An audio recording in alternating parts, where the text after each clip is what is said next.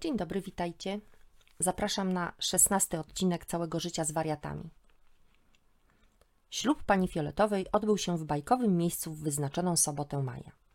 Goście przybyli na uroczystość, stanowili mieszankę najbliższej rodziny i wystrojonych bardziej niż panna młoda jej koleżanek.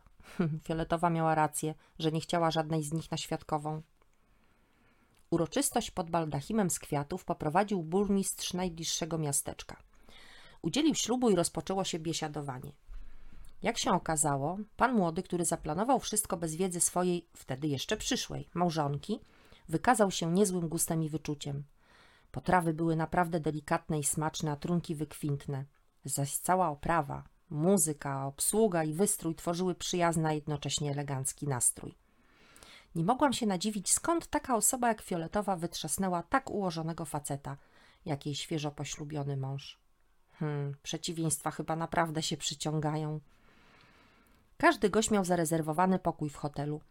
Tak więc, gdy dobrze po północy impreza powoli się kończyła, pożegnałam parę młodą i poszłam na górę. Ciepłe łóżko było tym, czego potrzebowałam. W pokoju panował półmrok, a lampy rozmieszczone w kilku miejscach tworzyły nastrój do rozmyślań.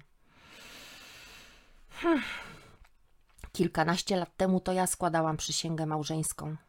Byłam wtedy podekscytowana tak samo jak fioletowa dziś. Tyle, że w moim przypadku pan młody nie miał tyle inwencji, co dzisiejszy oblubieniec. Zaręczyny pełne niezręczności z oświadczynami w obecności rodziców obojga stron i za duży pierścionek, którego widok niemal zwalił mnie z nóg, były dla mnie dość traumatycznym przeżyciem. A trzeba było się uśmiechać. W kościele na pięć minut przed ślubem okazało się, że pan młody nie dopełnił jakichś formalności, a przedstawione zaświadczenie z pierwotnej parafii nie wykluczało na przykład bigami. Do ołtarza szłam cała w nerwach. A kiedy jeszcze mój mąż nie potrafił odpowiadać jak należy na formułki podczas mszy, doprowadziło mnie to na skraj załamania nerwowego. Na weselu nasłuchałam się od pewnego wuja mojego właśnie poślubionego męża, że nie jest on wiele wart. W każdym razie nie tyle, co jego syn.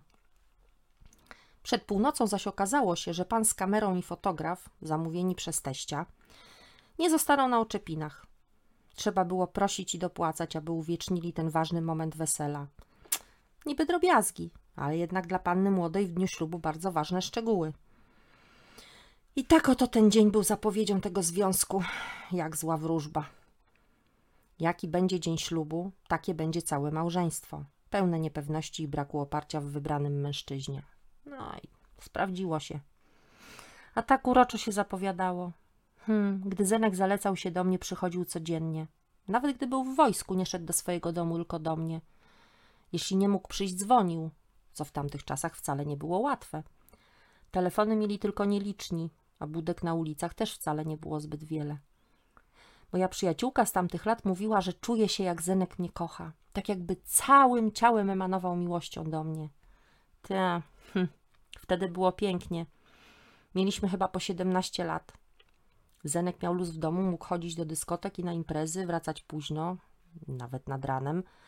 I którejś nocy wracając od kumpla, oskubali z chłopakami z tulipanów chyba całe osiedle. Wrzucał mi je przez uchylone okno do pokoju. Nad ranem miałam dosłownie cały pokój w kwiatach. To było urocze hmm, i takie oryginalne. Oto miłość. Ale to było dawno i nieprawda, jak się okazuje. Z rozmyślań o przeszłości wyrwało mnie pukanie do drzwi. Kto tam? To ja. Co za ja? Kto? Angelika. Aha, fioletowa. Co ty tu robisz? W trakcie wesela wypiłyśmy bruderschaft. Przecież dziś jest twoja noc poślubna. No właśnie, a w tej sprawie. Moje zaskoczenie było ogromne. Czego może o nocy poślubnej nie wiedzieć dorosła, doświadczona kobieta i bynajmniej nie pruderyjna? O co chodzi? No, bo misiu chce. Co chce? Nie zaskoczyłam od razu. No chce, oj, wiesz co? Angelika była najwyraźniej zażenowana. Aha, to, to znaczy, że chce się kochać, tak?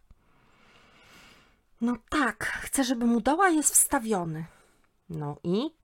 Moje zdumienie sięgnęło zenitu. Ja mam być wyrącznią w skonsumowaniu nocy poślubnej? Mam dać? Nie potrafiłam dać pannie młodej zadowalającej odpowiedzi. na tak subtelnie skonstruowane pytanie.